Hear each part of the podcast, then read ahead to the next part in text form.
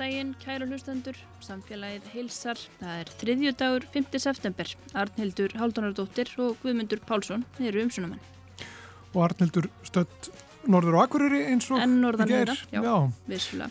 Í gær bárust fréttir af því að ekkert símasamband væri sumstaðar í ettu húsi íslenskunar.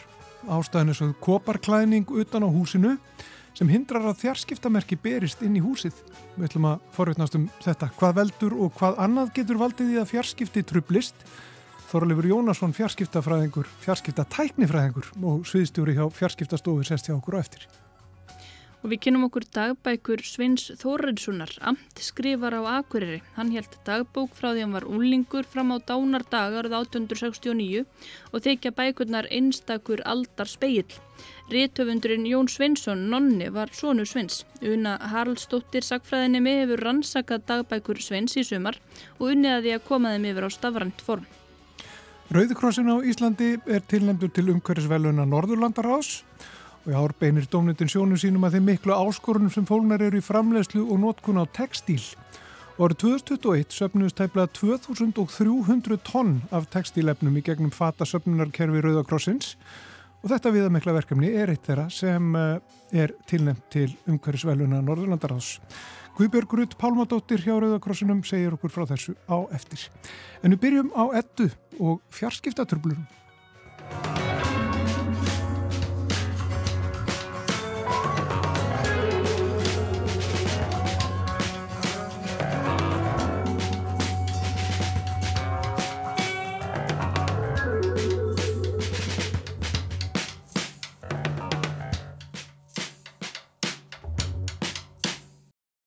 Það byrtist áhugaverð frétt í gær á vefnum okkar rúpúturis og sennilega víðar.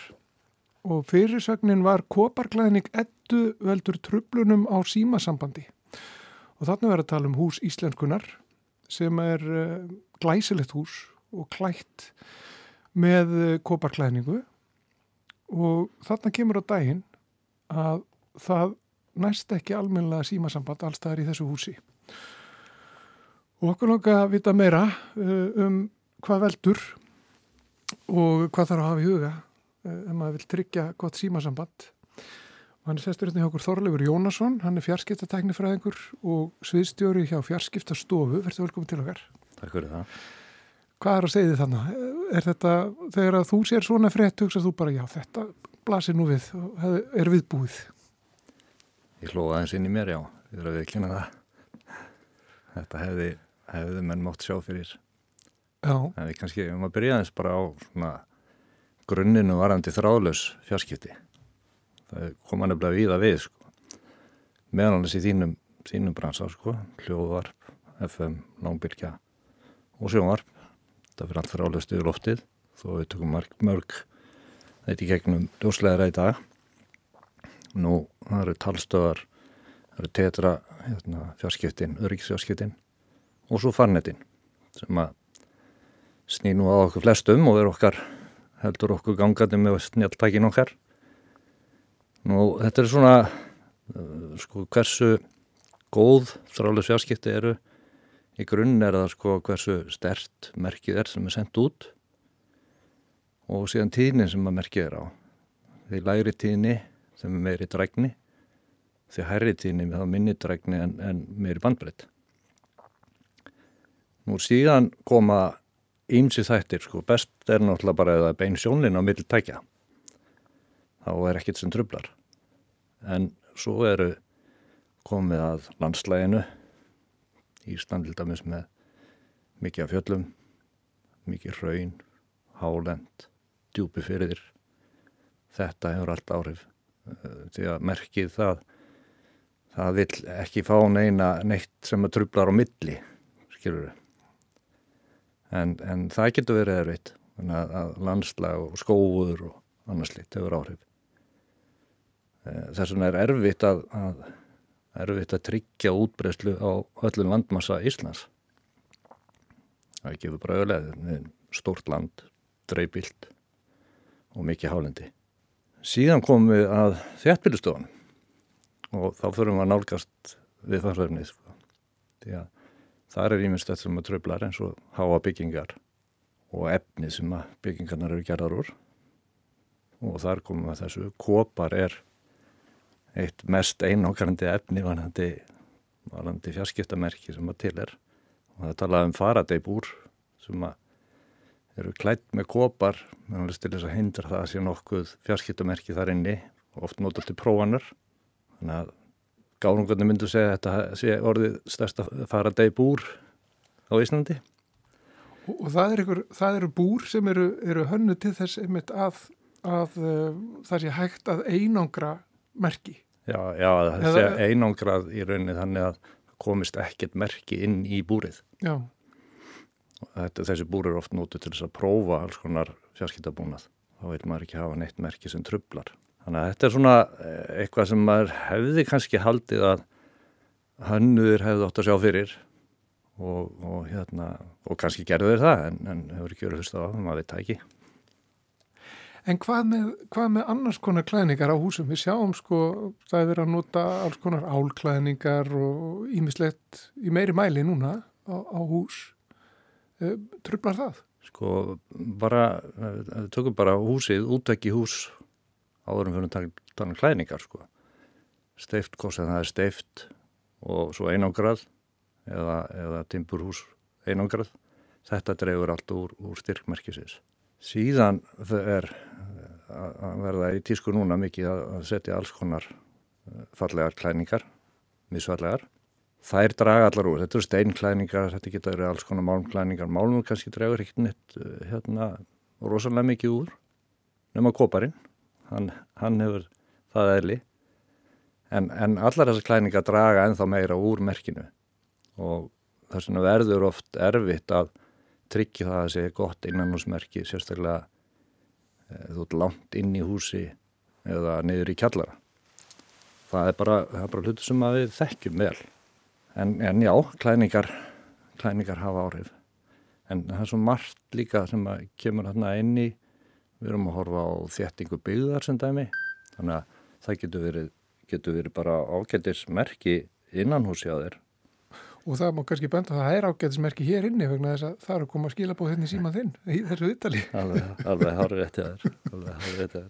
En, en hérna bara, þú veist, eitt árið ertu með fint merki inni og síðan er farið í það að byggja háísi sem að lendir á milli þín og, og sendisins sem að þú er tengdur. Og þá er þetta allt hérna bara í, í slæmum málu með, með innhansmerki hér. Þetta þetta er um við að upplifa svolítið, ef við erum að fá inn kvartanir frá fólki sem að upplýðu allt í hennu bara það er ekki sama merki og var fyrir nokkur mánuðin síðan. Þannig að það er ímislegt svona sem hefur áhrif. Hvað með bara annað sko eitthvað neinn, hvað með bara tæki sem eru í gangi, inn, við erum nú hérna stattir inn í hljóðveri og það eru mörg tæki hér í gangi náttúrulega og allt í kringum okkur. Getur, getur það trublað? Það getur trublað en, en, en þessi tæki sem eru hér inni ger ég ráð fyrir að séu viðkend fyrir nótkun okkar, okkar svæði. Það er þannig að, að hérna, þau tæki sem eru flutt inn, þau þurfa að vera með svo kallari CE-merkingu sem er vottuð evrósk merking og tryggir það að, að fjarskiptatæki eða, eða búnaður, alls konar búnaður sem að sendi frá sér fjarskiptamerki, að hann sé viðkendur og sé þá á réttu tínisvið, viðkendur fyrir okkar svæði sem er Európa. Við höfum eins og að sé það undan farin, já, undan farin tíu ára að það eru er að flytja inn búnað sem ekki viðkjöndur og það getur einfaldur búnaðar eins og bara e, margir muni eftir þrálösu innan hús símónum dekt símónum nú annað er, er svona barnavöktunatæki til þess að þetta í barnavagna.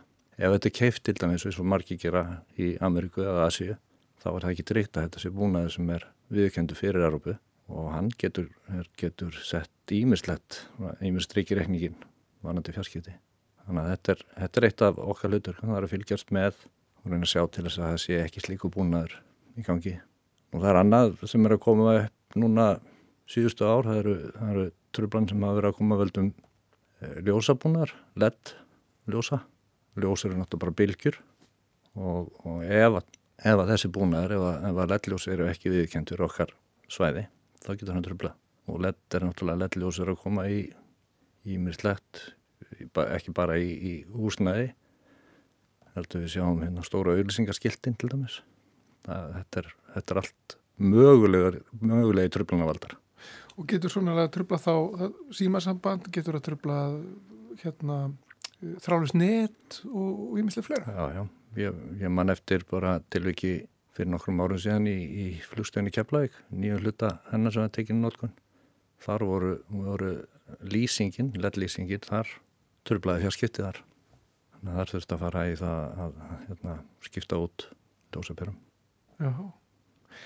Hvað er þetta að gera? Er eitthvað þetta að gera þegar það er búið að byggja svona hús eins og ettu með þessari fallegu koparklæningu um, og um, starfseminn er hefjast og það áttar fólk segja á þessu að það er ekki símasambandars þar í húsinu það er að segja að það er ekki far símasamband er eitthvað þetta að gera? Já, já. Annan að rýfa klæningur af? Já, já, já. Það eru, ímsalösni til og, og hérna þess vegna sagði ég nú sko hannur, hannur hefur átt að sjá þetta fyrir það hefði verið hægt að gera rástaðanir og uh, kannski það einfaldan sem maður sér er að fjarskiptafélagin já, fjarskiptafélagin setju upp svo kallar innan hús senda sem að tryggja þá betur samband innan hús svo til enda, ennþá einfaldari löst sem að er að reyða sér til hús það er ekki allir konu með hana sem að heitir, heitir Voice over Wi-Fi eða tal yfir þráðlöst innan hús samband. Og það getur einst og kannski áfrekar þá við það sem að almenningur er að upplifa vandamál með innan hús samband hjá sér. Þú ert með góða ljóslæðartengingu og ert með, með innanhúsnett, þráðlust innanhúsnett þá, þá hérna, er þessi tækni möguleg og getur þá setil þess að þú sért með fullkomið innanhússamband þó að, þó að farnettur merkið komist ekki inn þá er þetta að taka símtörun yfir þennan, þennan búnað en uh, til þess þarf þitt fjarskiptafélag að vera búin að virkja þann uh, þessar þjónstu hjá sér En um, það eru, eru leiðbenningar á, á vef fjarskiptastofu sem að, sem að meðalast nefna þetta. Það má benda það. Það er gott samband til dæmis bara í, í jarðgöngum, til dæmis í kvalfjöragöngunum. Eh, það er gott eh, símasamband og, og nettsamband og, og, gengur allt afskaplega vel. Þannig að já, já. það er ímestlega tægt. Það er sérstaklega búinað sem er notaði til þess að drega merkinu þar. Já. Þannig að það eru, það eru til lausnir fyrir, fyrir mest allt. Það eru mis, misfloknar, misstýrar. Það gildir að hver velji eftir því sem að butan leir. Það eru, það eru til uh, út á, út á landsbygðinu til dæmis í, til dæmis í sumarhósabygðum þar sem er kannski ekki gott fjarskiptarsamband. Það er hægt að fá, fá í dag 5G móttakara loftnet sem að getur haft upp á þæki og tengst séðan inn í, inn í þrálusneti innan hús þannig að það er ymsað lausni til Já. Hvað er það heima hjá fólki sem getur tröflað samband, þrálega samband annað en kannski þykir vekkir við þekkir það náttúrulega. Þykir vekkir geta dreyið verið úr, úr þrálega sambandi Þykir vekkir, kjallarar. En, en uh, þar eru þar er náttúrulega þessi möguleikis ég er að nefna að segja uh, tali yfir þrálusnett, þrálust innan hús nett sem við getum hjálpað til. En, en innanhús ef það er eitthvað sem trublar innanhús annað þá er það yfirleitt tæki sem er ekki heimilt að nota á okkar sæði. Þannig að það er, það er svona fyrsta sem maður myndir skoða ef það eru trublanir sérstaklega á, á merkinu. En deyfing á merki ef það er, er, er reynlega lélætt samband inni þá er það bara yfirleitt út af því að út náttúrulega langt inn í húsi, nýri kjallara eða með þykkaveggi, klæðningar sem að deyfamerkið eða aðra byggingar allt þetta þarf að skoða mm. um, Er þetta hreinlega skipilagsmál að, að taka alltaf til greina að, að hafa fjarskiptin í huga. Þegar það er verið að skipilegja til dæmis verið að þetta byggða svo nefndur áðan það verið að byggja hærri hús það verið að velja klæningar utan á, utan á hús og svo frá þess Þetta er, er algjörlega skipilagsmál það þarf að taka tillit til þessara þátta og því fyrir því betra því að það er þá hægt að, að hérna, setja upp lausnir áður heldur en vandamálið verður eins og, eins og við erum að tala um í dag með þetta. Og, og, og fjarskiptstof er, er oft kallið til vanandi skipunarsmál, hann meira kannski út á, út á landsbyðinni uh, maður nefna til dæmis það sem er að ríða sér meira til rúms og ábyggilegt er að verða verða algengara hérna, það eru þessir vindmilugarðar vindmiluna, það getur tröflað fjarskiptamerki. Tala ekki um þeirra orðin kannski mikill fjöldi að þeim þannig að, þannig að já þetta eru skipulasmál á, á svona út frá einsum sjónarhóðnum Svo maður búist við að 5G verði enn öflugra og þéttara.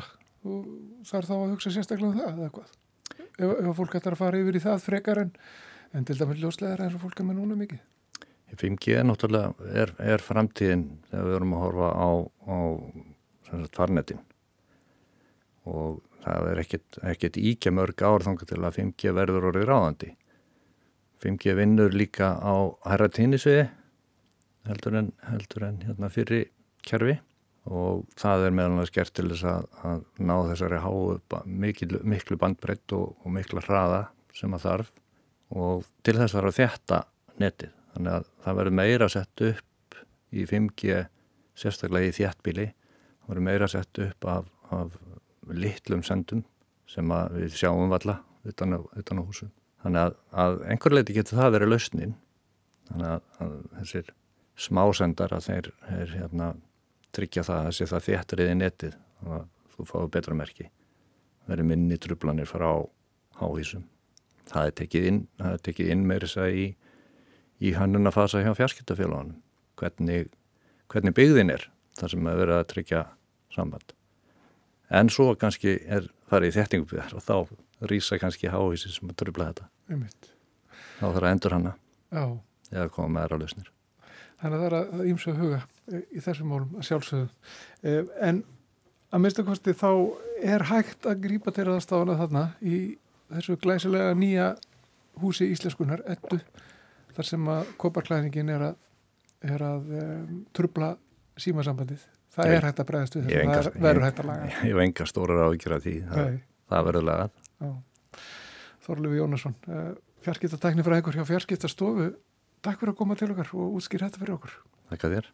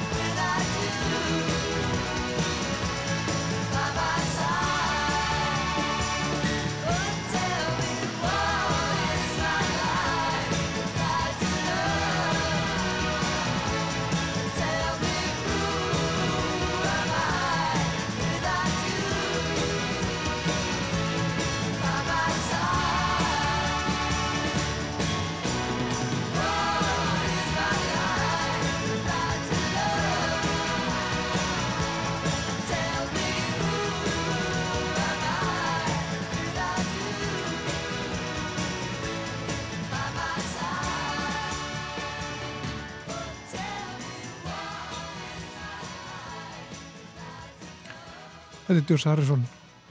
What is life? spyr hann. Og þetta er af blötun hans All Things Must Pass sem kom út uh, ára 1970 en uh, þá eru sérst hjá okkur Guðbjörg Rutt Pálmadóttir já, frá Rauðakross Íslands. Uh, Rauðakrossin var nefnilega tilnæmdu núna til umhverjusveluna Norrlandarás til mikið með tilnæmninguna Takk fyrir það Okkur langaði að spyrja þig bara út í þetta stóra verkefni og þetta er náttúrulega stórt og mikið umhverjusmál Já, vissilega Að sapna saman fötum og, og textíl og, og því öllu saman Já, þetta er heljarna verkefni og er alltaf að stakka. Já, alltaf að stakka. Jú, að tala eitthvað um, um nefn ykkur að tölur? Á síðasta ári þá fóru um 2300 tonn í gegnum flokkunastöðana í okkur.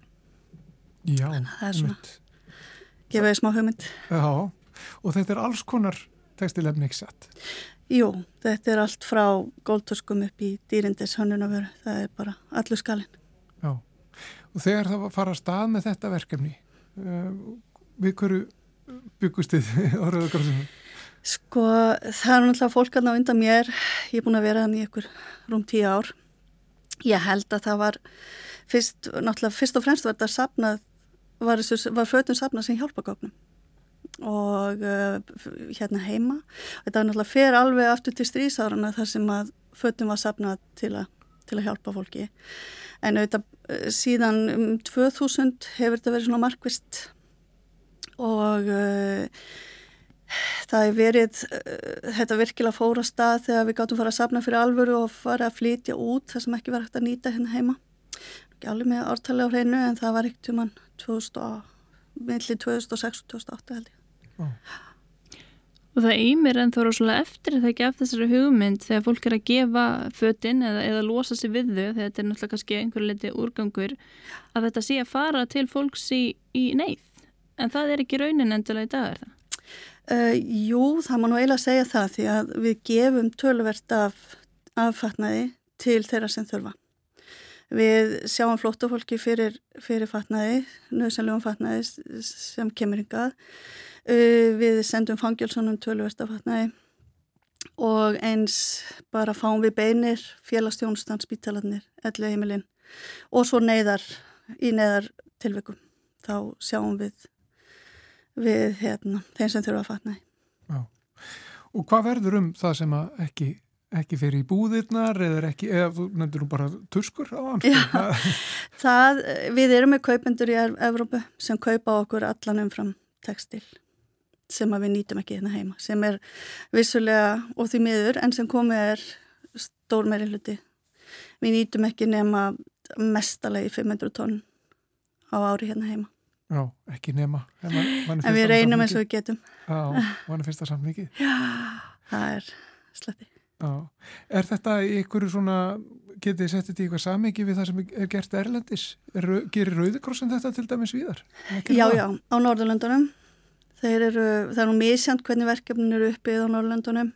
Uh, normenn eru, nei, fyrir ekki, uh, Danir eru með uh, áþekka flokkunastöð og við erum með og, en þar eru búðirna meira reknar á uh, vegum deildana og það er vissulega hér líka út á landsbyðin eru það reknar af deildunum á meðan verkefnið sjálft reykur þar hérna á höfuborgsvæðinu svona smá styggsmunur en öll norðurlöndin eru að sapna tekstil Og hvernig gengur þetta fyrir sig? Það eru náttúrulega þessar söfnunarstöðar sem við þekkjum og fólk getur farið með og þær eru víða fólk getur farið með póka fulla af, af, af textíl og, og skilað. Já.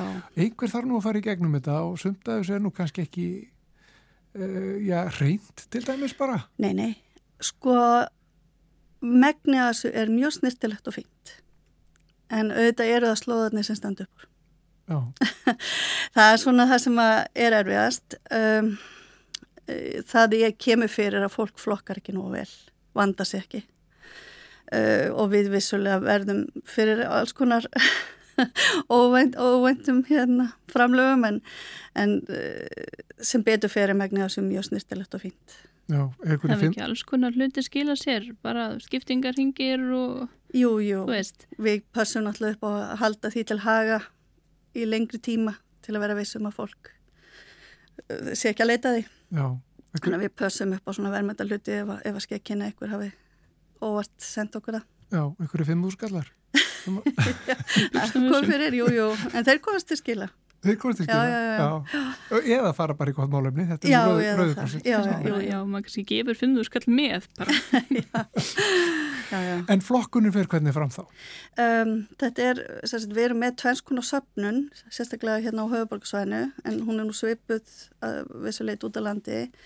Við erum með gáma, litla gáma skápa á uh, grendastöðunum og á nokkrum önnum stöðum. Uh, það eru bílarhrokku sem sækja það og síðan eru uh, 20 fetta gámar bara á endurvislustöðum sorpu sem taka við tekstil sem fer til okkar. Mm. Og þetta er kert til okkar í flokkanastöðun í Skútúi og við reynum að fara í gegnum eins mikið og við mögulega getum en náum því náttúrulega aldrei því að þetta er svo mikið magn. Hafa þau sem að koma að, að flokkuninni mikla þekkingu á já, merkjum og, og efnum og þess aftar? Já, og það er nú eiginlega skiljari fyrir að vinna hana að þekka tekstilinn nokkuð vel og það kom sér vel þegar ég var aðeins hann inn að ég hafi verið með fattadellu frá því að ég var krakki sko. Ólstöfi miklar hannirður og saumaskap þannig að, að það kom sér mjög vel og gerir enn í rauninni. Og Vita hvað er verðmætt og svona. já, það lærist mjög flott maður er snöggur að byggja upp tilfinningu fyrir þessu. Og, og þetta er alveg, sko, þetta eru skór líka, skór og fylgilhutir já, töskur, Já, já. Við tökum eiginlega við öllu sem við getum klætt í og, uh, og hengt utan að þig. það er allt í lagi að senda okkur skart og, og annað. En svona við reynum að gera það sem þetta er náttúrulega fyrst og fremst fjáröflunaverkefni fyrir Rauðakrossin að þá reynum við að fara eins vel með allt, allt sem okkur er gefa og við getum. Og í því fælst að koma sem flestu í verð og þó að við séum, og við erum alls ekki að sapna eins og nýtja hlutum og vissulega reynum við að selja þá bara til þess að skapa verðmæti. En þeir geta verið erfið fyrir okkur þannig að við erum fyrst og fremst að sapna textil og, og fylgi hlutum, já, skóm, töskum, skarpum já, en En, er eitthvað sem þið viljið alls ekki? Svo ég heyrði einhvern tjóman að þið vildu ekki lengur fá ferðartöskur? þær, ef þær eru ónýtar þá fara þær í ruslið og það er dýrt fyrir okkur. Já, það er rusli, ruslakostnaðurinn er erfiður. Þannig að við viljum helst ekki. Fá þær, en ef þær eru í fínu standu og við getum selt þar aftur það, eða, eða gefið þeim sem þurfa þá er það í fínu lagi. En uh, herðatrið til dæmis geta verið erfið fyrir okkur. Það er best gríðalegt magna herðatrú já, maður skilti trúa því, Já, og við náttúrulega endur nýtum öll okkar herratrið í langan tíma þannig að því miður þá er þetta mikil úrgangur oft. Erfitt að selja þau. Og Við reynum alltaf. já fyrir ekki, nú eru kannski margir að fara í gegnum fataskopin eða svona, er það ekki á haustin og svo svona í ársbyrjun og sumarbyrjun eða fólk hérna er að, að kaupa og henda kannski. Uh, er eitthvað sem að fólk sem að vil koma til ykkar uh, fötum og setja í gámana getur gert þess að auðvelda ykkur starfið? Er til dæmis, þú veist, þið viljið fá allt, er fínt að, að merkja pókana bara hérna tuskur, þess að það? Já, það upp á flokkurna er það mjög fínt fyrir okkur. Ekki nöysilegt en það léttir vissulega vinnuna. Glærir pokar, hjálp okkur alltaf.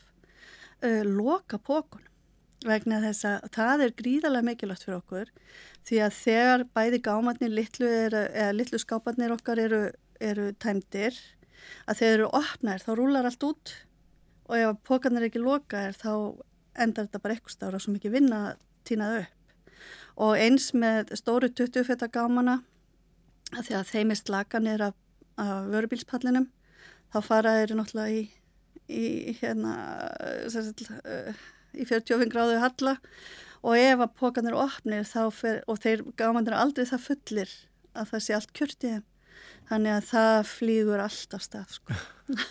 og getur verið bara nokkuð mikið brasa að týna það upp sko. já, þannig að þú sendir skilabóð hér með til, til þeirra sem að, er að, nýta þessa þjónustu eða koma til ykkar fatnað og tekstil að loka pókurum. Já, þessi einfaldi hlutur getur hjálpa okkur mikið. Já, Svo eru þau með verslanir Já. uh, eins og þú nefndir að hann þið seljið uh, fatnað og, og fylgiluti Þetta eru margar verslanir Já, við erum með fjórar hérna á höfbruksvæðinu. Er í- reyndar í, í hérna, við erum að flytja í kringlunni en hún opnar innan skams aftur. Uh, við erum með búðir eins og ég segi í kringlunni, við erum með í mjótt, uh, við hlem og einálega við tólf.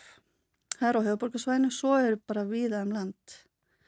Til dæmis Borgarnes, uh, Akureyri, Húsavík, Þossöfn, uh, Blöndós, sögakrókur, þær eru bara á mörgum stöðum, ég næ ekki eins að telja þær upp, sko. Ég held að séu 13 að 14.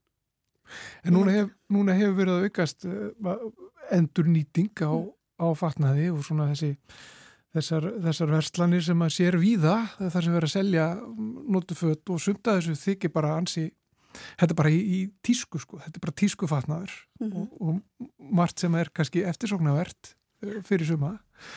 Uh, er það eitthvað sem að þið eru með þetta um og er eitthvað svona er eitthvað vortíska hjá Rauðakrossunum og haustíska og svo fráins? Já, já, já, við reynum að fylgjast mjög vel með. Sérstaklega í, í þessum tveimu búðum og lögum við 12 og kringlunni. Þar getum við alveg lokka til okkar fólk og við erum mjög meðvitið um það og eigum mjög tröstan viðskiptahóp, mannahóp þar til dæmis sem treystir á, á það að við séum með spennandi hluti Já, og það getur verið gríðarlega skemmtilegt að fylgjast með því. já, Það tengist oft mjög mikið samfélagsmiðlunni hjá okkur að fólk er dögulegt að fylgjast með og leiðu að sér eitthvað þá er það mætt á, á staðins. já þið eru virka á samfélagsmiðlunum Rauð og krossbúðirnar hérna í, á höfuborgarsvæðinu og svo eru deildirna með líka út á landi. Já, þannig að maður getur fylgst með þar Já. og, og, og flýtt sér út í, út í búð og reyna að ná því sem maður sér. Já, já, þú getur á eigilstöðum sé hvað er að gerast og hoppaða stalla náður í eitthvað skemmtilegt. Já. Eða ringti einhvern á eilstöðum og þekkir einhvern og byrðum að kippa upp ykkur í peysu kannski. Um að gera. bara. Já, um að gera. Já, já, já. En að því að sko þetta eru umhverfisvelun Já. uh, Norrlandarás. Finnir þið fyrir því að, að þetta hafi breyst undanfari? Við þorfið þá til þess að kaupa notuð fött sem eru í lægi og eru falleg og eru jafnvel bara í tísku. Að, þetta hafi breyst, að fólk sé að færa sig þangað. Er þetta meira ungt fólk og finnir þið fyrir því að þessi hugsun sé svona sé komin og svo meira, meira ráðandi einhvern veginn. Já, við sko á þessum tíu og hálf ári sem ég hef verið þarna sé ég gríðarlegan mun. Það sko, þetta er orðið svo mikið lífstíl, þetta er svo lífstílstengt í dag. Fólk er með, meðvitað um, um umhverfið og vil vanda sig í því sem það gerir og ég, við finnum gríðarlega mun þar. Bara núna nokkrum á, síðustu fimm árum hefur orðið mikil breyting. Og líka það að þetta er ekki bara eins og ekki kannski ekki fælt að segja en svona sérvitringar sem gerðu þetta áður og fólk gerðu þetta ofta vitri nöðsin það er, finnst mér liðin tíð auðvitað er það en þá en, en það er líka þetta er áhugamál og lífstíl hjá fólk gjörðið Já.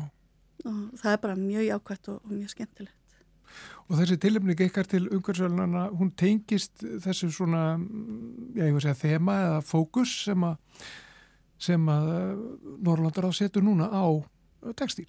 Já. Og það eru þarna fleiri sem eru tilnæmt, sem eru í, já bara, það er bara tísku, uh, allskins, uh, allskins framleiður að fatnaði og ímestlega fleira. Já, þetta er, er fjölbreyttur hópur. Það er þarna fyrirtæki sem er endur sem sagt, endur, bú, endur vinna textil upp úr gómnum textil til dæmis. Og svo er þeir sem er endur vinna upp úr gómnum fötum. Og svo er þarna eins og kaupmannahafnar e, tískuvíku fyrirtæki sem finnst mjög áhugavert og mjög, mjög jákvæmt að það skuli vera orðið með þá, sá bransi skuli vera vel meðutaður um, um þessi mál Og þessi velun þau vera veitt núna í næsta mánuð, ekki satt? Jú, í lok október. Seint í næsta mánuð. Já. Og ætlað þú að fara? Verður, rauð, verður rauður endur unnin dreigit þar sem þú Ég vona það, já, þetta er alltaf svolítið nýtt og hérna, við erum bara að byrja að skipa ekki okkur. Já. Það verður eitthvað skemmtilegt gert úr þessu. Við skulum bara ljúka þessu svona Guðbjörg Pálmadóttir eh, frá Rauðakrossunum á Íslandi. Takk fyrir þetta og til hamingi aftur með tilnefninguna. Takk fyrir það. Gangi vel. Takk.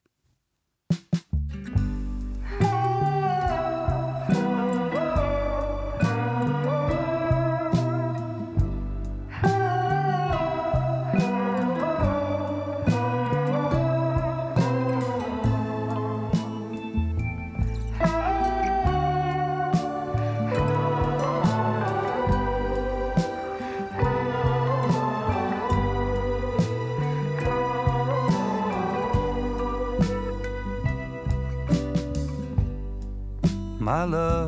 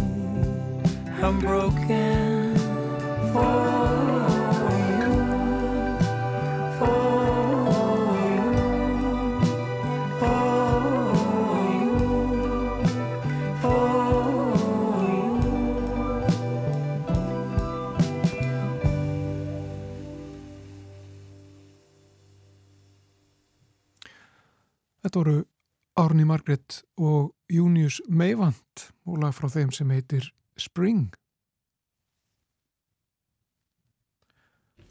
Og þá ætla ég að lesa fyrir ykkur smá dagbókarbrot frá 1. februar 1866. Norðan fjúk, ég lá með þrautum, Þorstein fór með kirkjukerti að glæsibæ. Mannskæð taugaveiki gengur í múlasýslum og víðar að smá drepa. Nú er ekkert gjört á amtskontúrinu og gengur Jón Kristjánsson fullur dag eftir dag. Svona hljóðar fæsláður dagbók Svins Þórenssonar sem hann skrifaði 45 ára gammal. Minjasafnið á Akureyri fekk í sumar styrk frá nýskupunarsjóði námsmanna til að rannsaka dagbækur Sveins Þórenssonar, amt skrifara og föður nonna og manna. Dagbækurnar eru skrifaðar frá því að Sveit var 15 ára og Una Haraldsdóttir, sagfræðinemi, hún hafði umsjón með verkefninu og hún er komin hingað, velkomin Una. Takk fyrir. Getur aðeins sagt mér bara hvað fólst í þínu verkefni í sumar? Já, uh, við vorum sem sagt að vinna með forrit sem að heitir Transcripus og í því er sem sagt um, skanna maður inn, eða hendur inn skjölum af handritum og það er sem sagt svona tölvu, einhvers konar tölvu kreint sem að les skjölin og skrifar þau yfir á tölvu texta. Og, og þetta auðveldar eh, til dæmis leit í textum og svona sérstaklega stærri skjölum. Síðan voru við raunin bara grúskaðins í þessum dagbókum og, og svona sjá hvað lindist þarna síðan var hann skafti á, á akureyri.net til í að, að lega okkur að, að byrta þarna vikulega færslur sem var, var óða skemmtilegt og indalt af honum Já, hefur fólk ekki tekið vel í, í þessa festlur og það er svona opnað ákveðin heim fyrir því. Jú, ég, ég vona það allavega Og þetta er helliks efni viður því að hann byrjaði að halda dagbók, hann er bara úlingur, Já, 15 ára, hvað árið 1836 og bara þar til hann dó. Já, 69 Já, hann var nú ekki mjög gamall. Nei, alls ekki, þetta er, er uh, sorgarsaga hérna, hans veit Já, var alltaf voða veikur og, og þunglindur.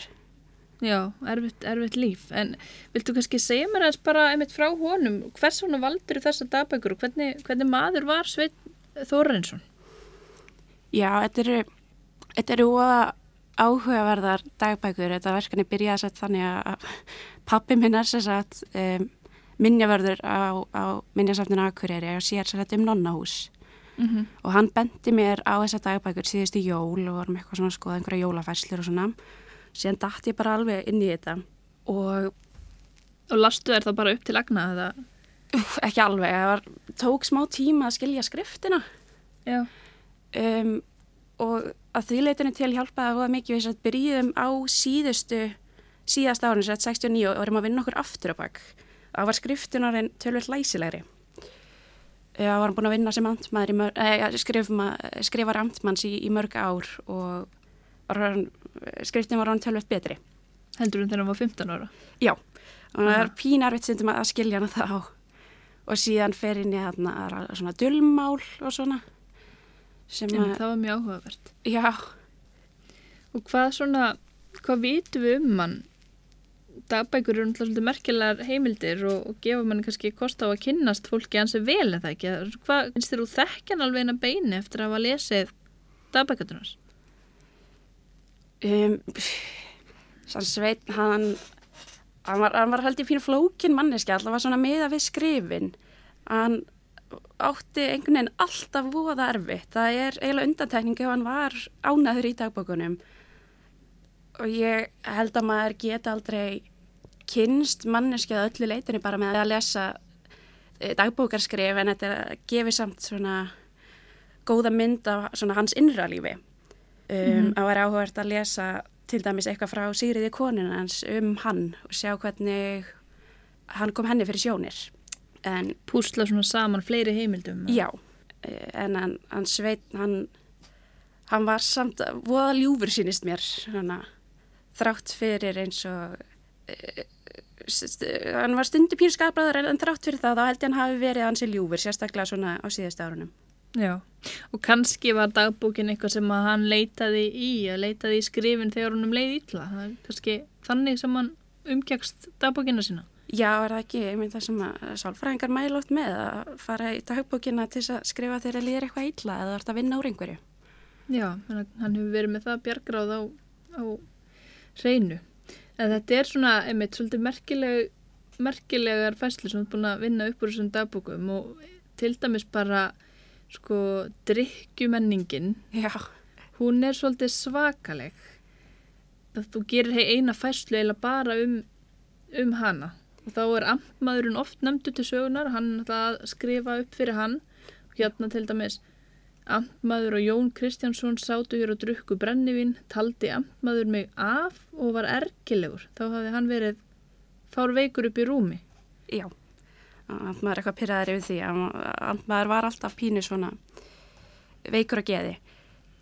Já, En- og þeirra samstarf svolítið, svolítið flókið. Já, það er eiginlega svona með áhugaverðari samböndunum í þessum bókum að það er svona algjörlega upp og niður.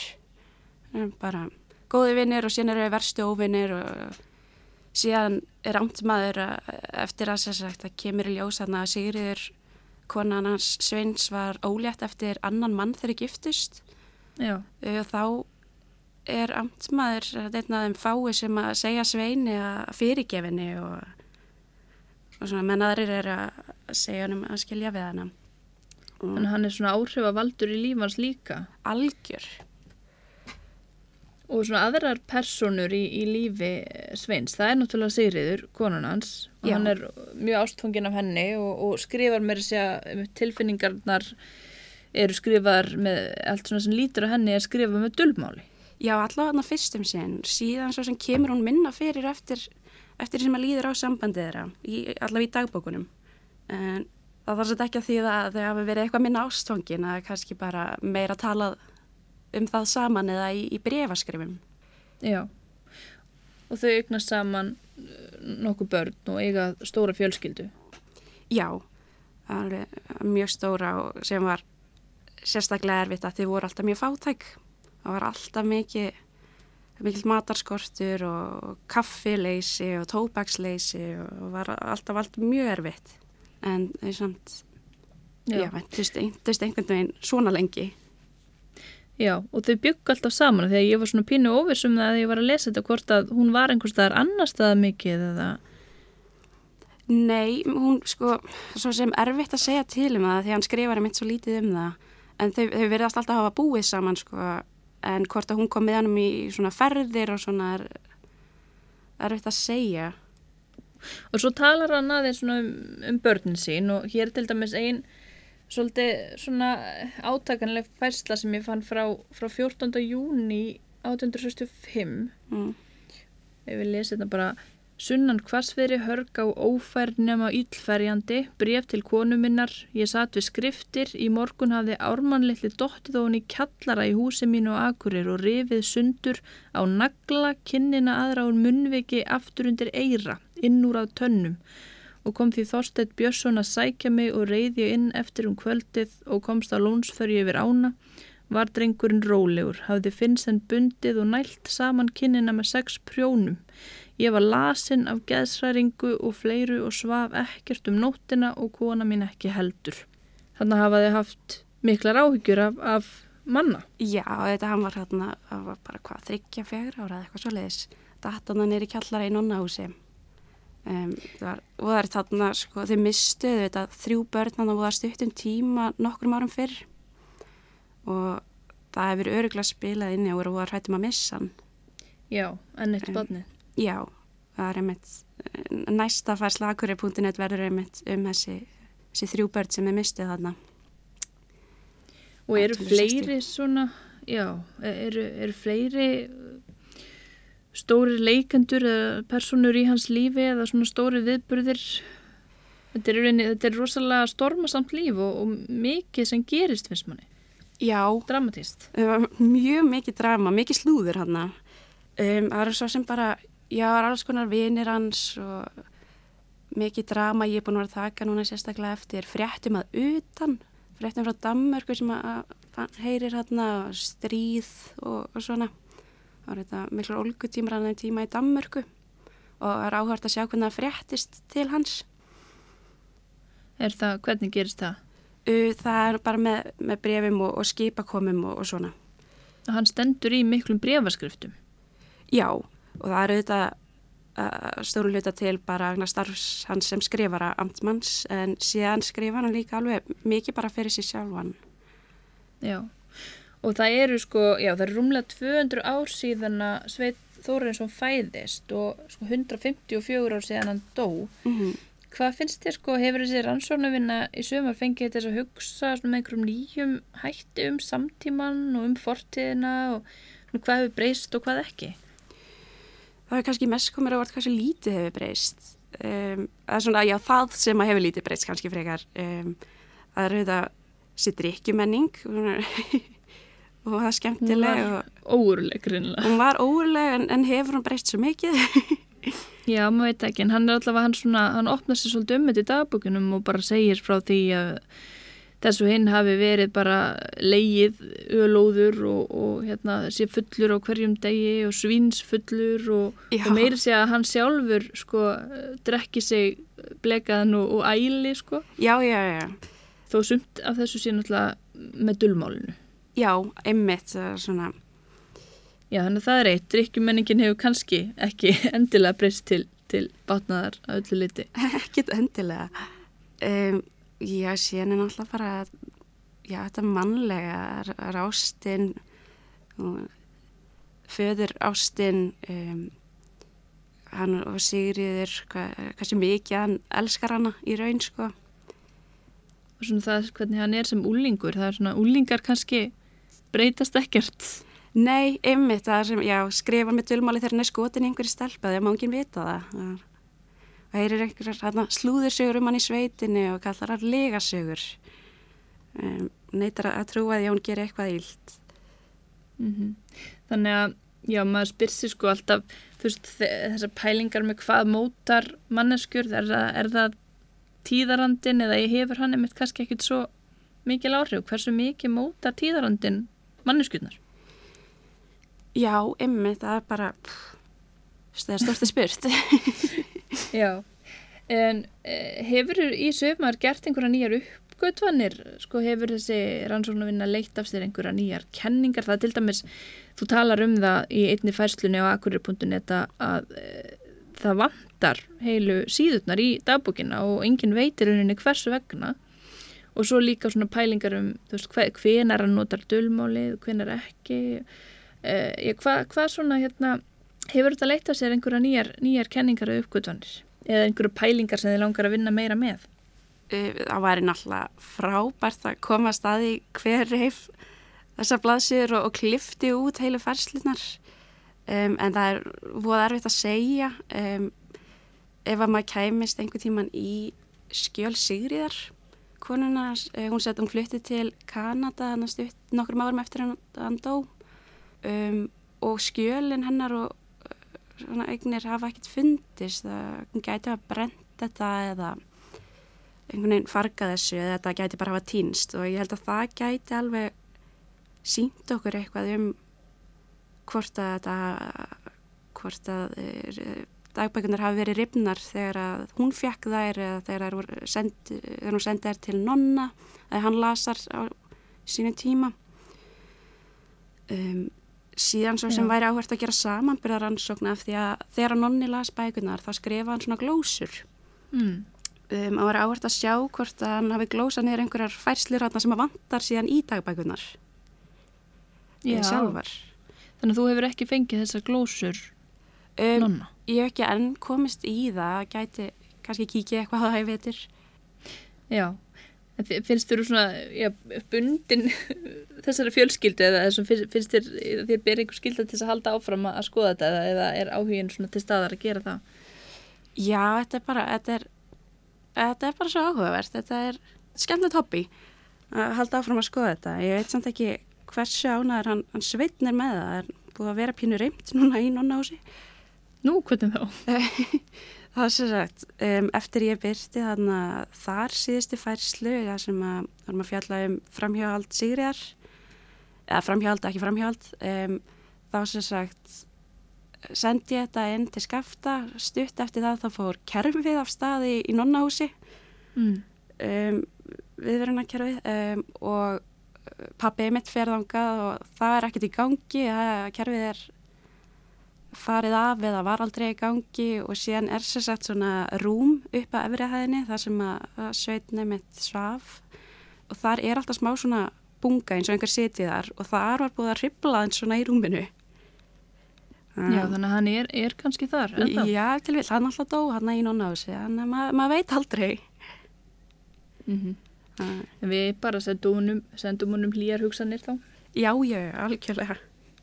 En uh, þú sjálf heldur sjálf dagbók, svona sem sagfræði nemi sem að skoðar dagbækur annara? uh, svona slitrótt þegar ég man eftir því að þetta er, þetta, þetta er mikilvægar heimildir og ég einmitt, já, hvet fólk til þess að halda dagbækur og, og sérstaklega skila þeim síðan inn fyrir sakfræðinga framtíðarinnar. Já, já, við hvetjum, hvetjum hlustendur bara til þess.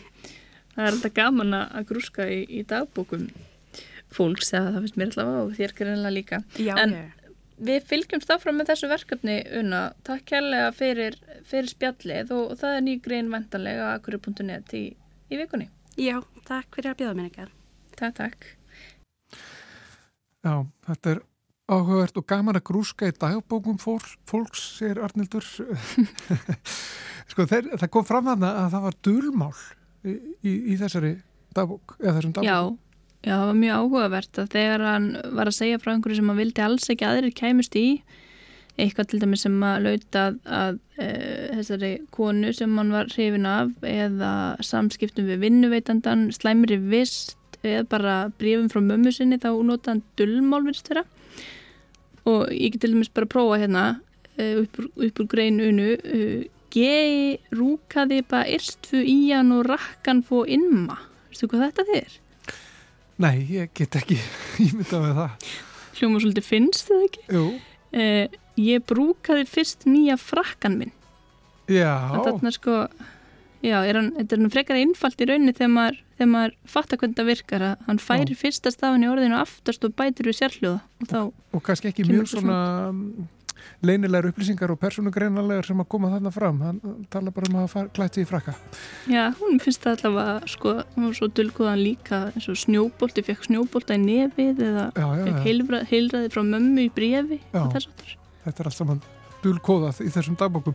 En við komumst Já. ekki lengra í dag. Guðmundur Pálsson og Arnildur Haldunadóttir þakka fyrir sig. Við verðum hér aftur á morgun takk